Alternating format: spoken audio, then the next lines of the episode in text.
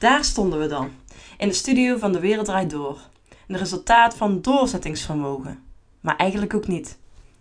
Ik had eerder al eens gebeld met de hoofdredacteur van het programma, degene die bepaalde welke bands er in de minuut gingen spelen. Echt geen idee meer hoe ik aan dat telefoonnummer kwam, maar ik had het. Ik schaapte alle beetje moed in mijn lijf bij elkaar en ik drukte op de belknop. Als je eenmaal belt, dan kun je niet terug. Dus als je het spannend vindt om iemand te bellen, focus je dan alleen op de fysieke opdracht en denk nergens anders bij na. Telefoonnummer opzoeken en klikken.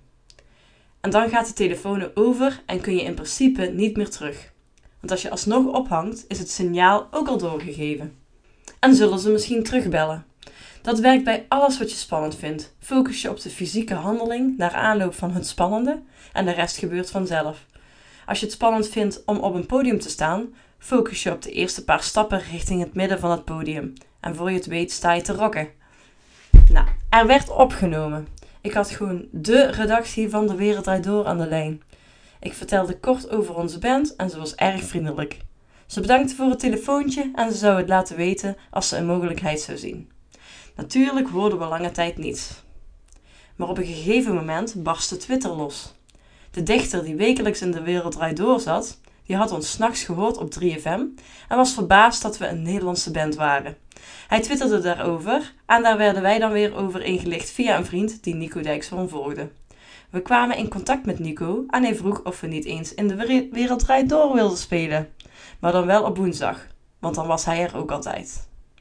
Het antwoord was natuurlijk uh, ja. In de week voor de uitzending bleef het natuurlijk spannend. Alles kon zomaar omgegooid worden door iets in het nieuws en dan was het uit met de pret. Maar dat gebeurde niet en uiteindelijk hadden we dezelfde redacteur weer aan de lijn en die vertelde precies wat Matthijs zou gaan vragen. Dat had ik liever niet geweten. De zenuwen gierden door mijn lijf en ik oefende thuis en vlak van tevoren wat ik ging zeggen. Als ik het terugzie, dan zie ik nog steeds mezelf niet. Ik schaam er een beetje voor. Ik was alleen heel zenuwachtig voor het praatje met Matthijs, wat blijkbaar terecht was. Voor het liedje spelen een stuk minder. We hadden gesoundcheckt, lekker gegeten backstage met Nico Dijkshoorn. En ook Matthijs kwam uh, erg aardig over. De zenuwen bleven, maar dat doorzettingsvermogen bleef toch ook de kop opsteken.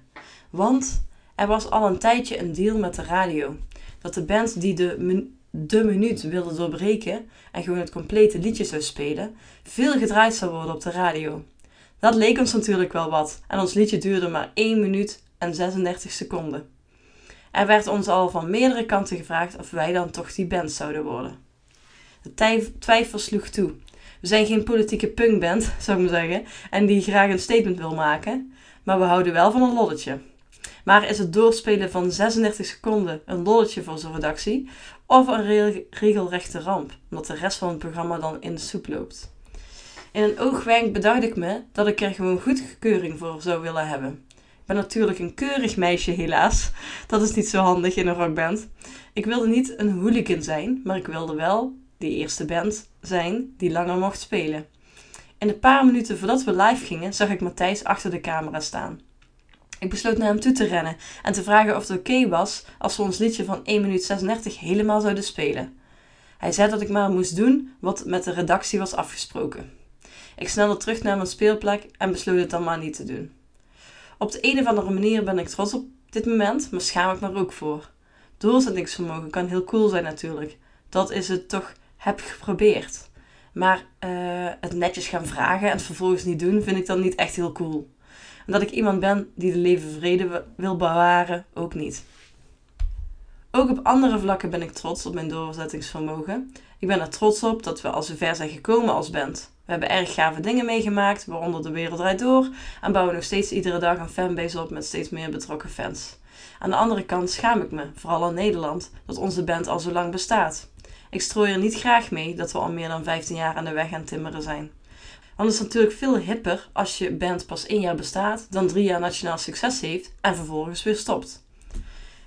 Toch denk ik ook in het naar buiten brengen van je muziek dat doorzettingsvermogen heel erg belangrijk is.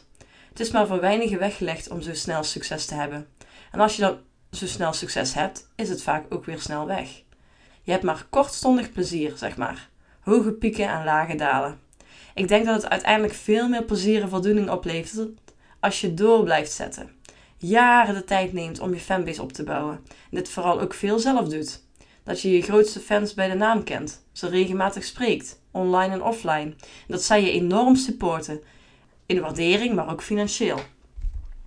Doorzettingsvermogen is dus belangrijk en dat kun je bevorderen door je muzikale leven te delen met anderen. Een coach is nog niet zo heel gebruikelijk in de muziekwereld, maar ik denk dat daar de toekomst ligt. Een coach in plaats van een manager, iemand die meedenkt, die zorgt voor accountability, die zorgt dat je stappen maakt en die net dat stapje voor ligt, zodat degene het nog vers in het geheugen heeft uh, liggen hoe hij, hij of zij die stappen heeft gemaakt en dit ook aan jou uitlegt.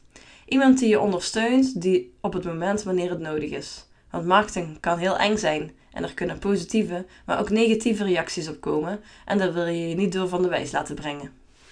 Ik ben zo iemand. Ik denk heel graag met je mee over je muziekmarketing, maar ook over alle andere dingen die komen kijken bij muzikantschap. Over de dingen waar je over twijfelt, maar ook over de dingen die je vrij zeker weet of denkt te weten.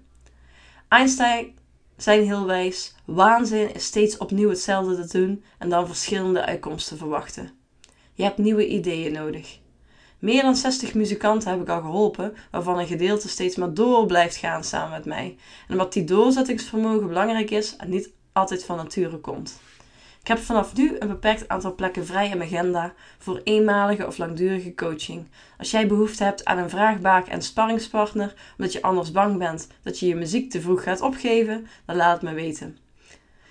Dat kun je doen door uh, een mailtje met ja te sturen naar miriam.onlightning.nl miriam.onlightning.nl Deze uh, podcast heb ik opgelezen vanuit een e-mail.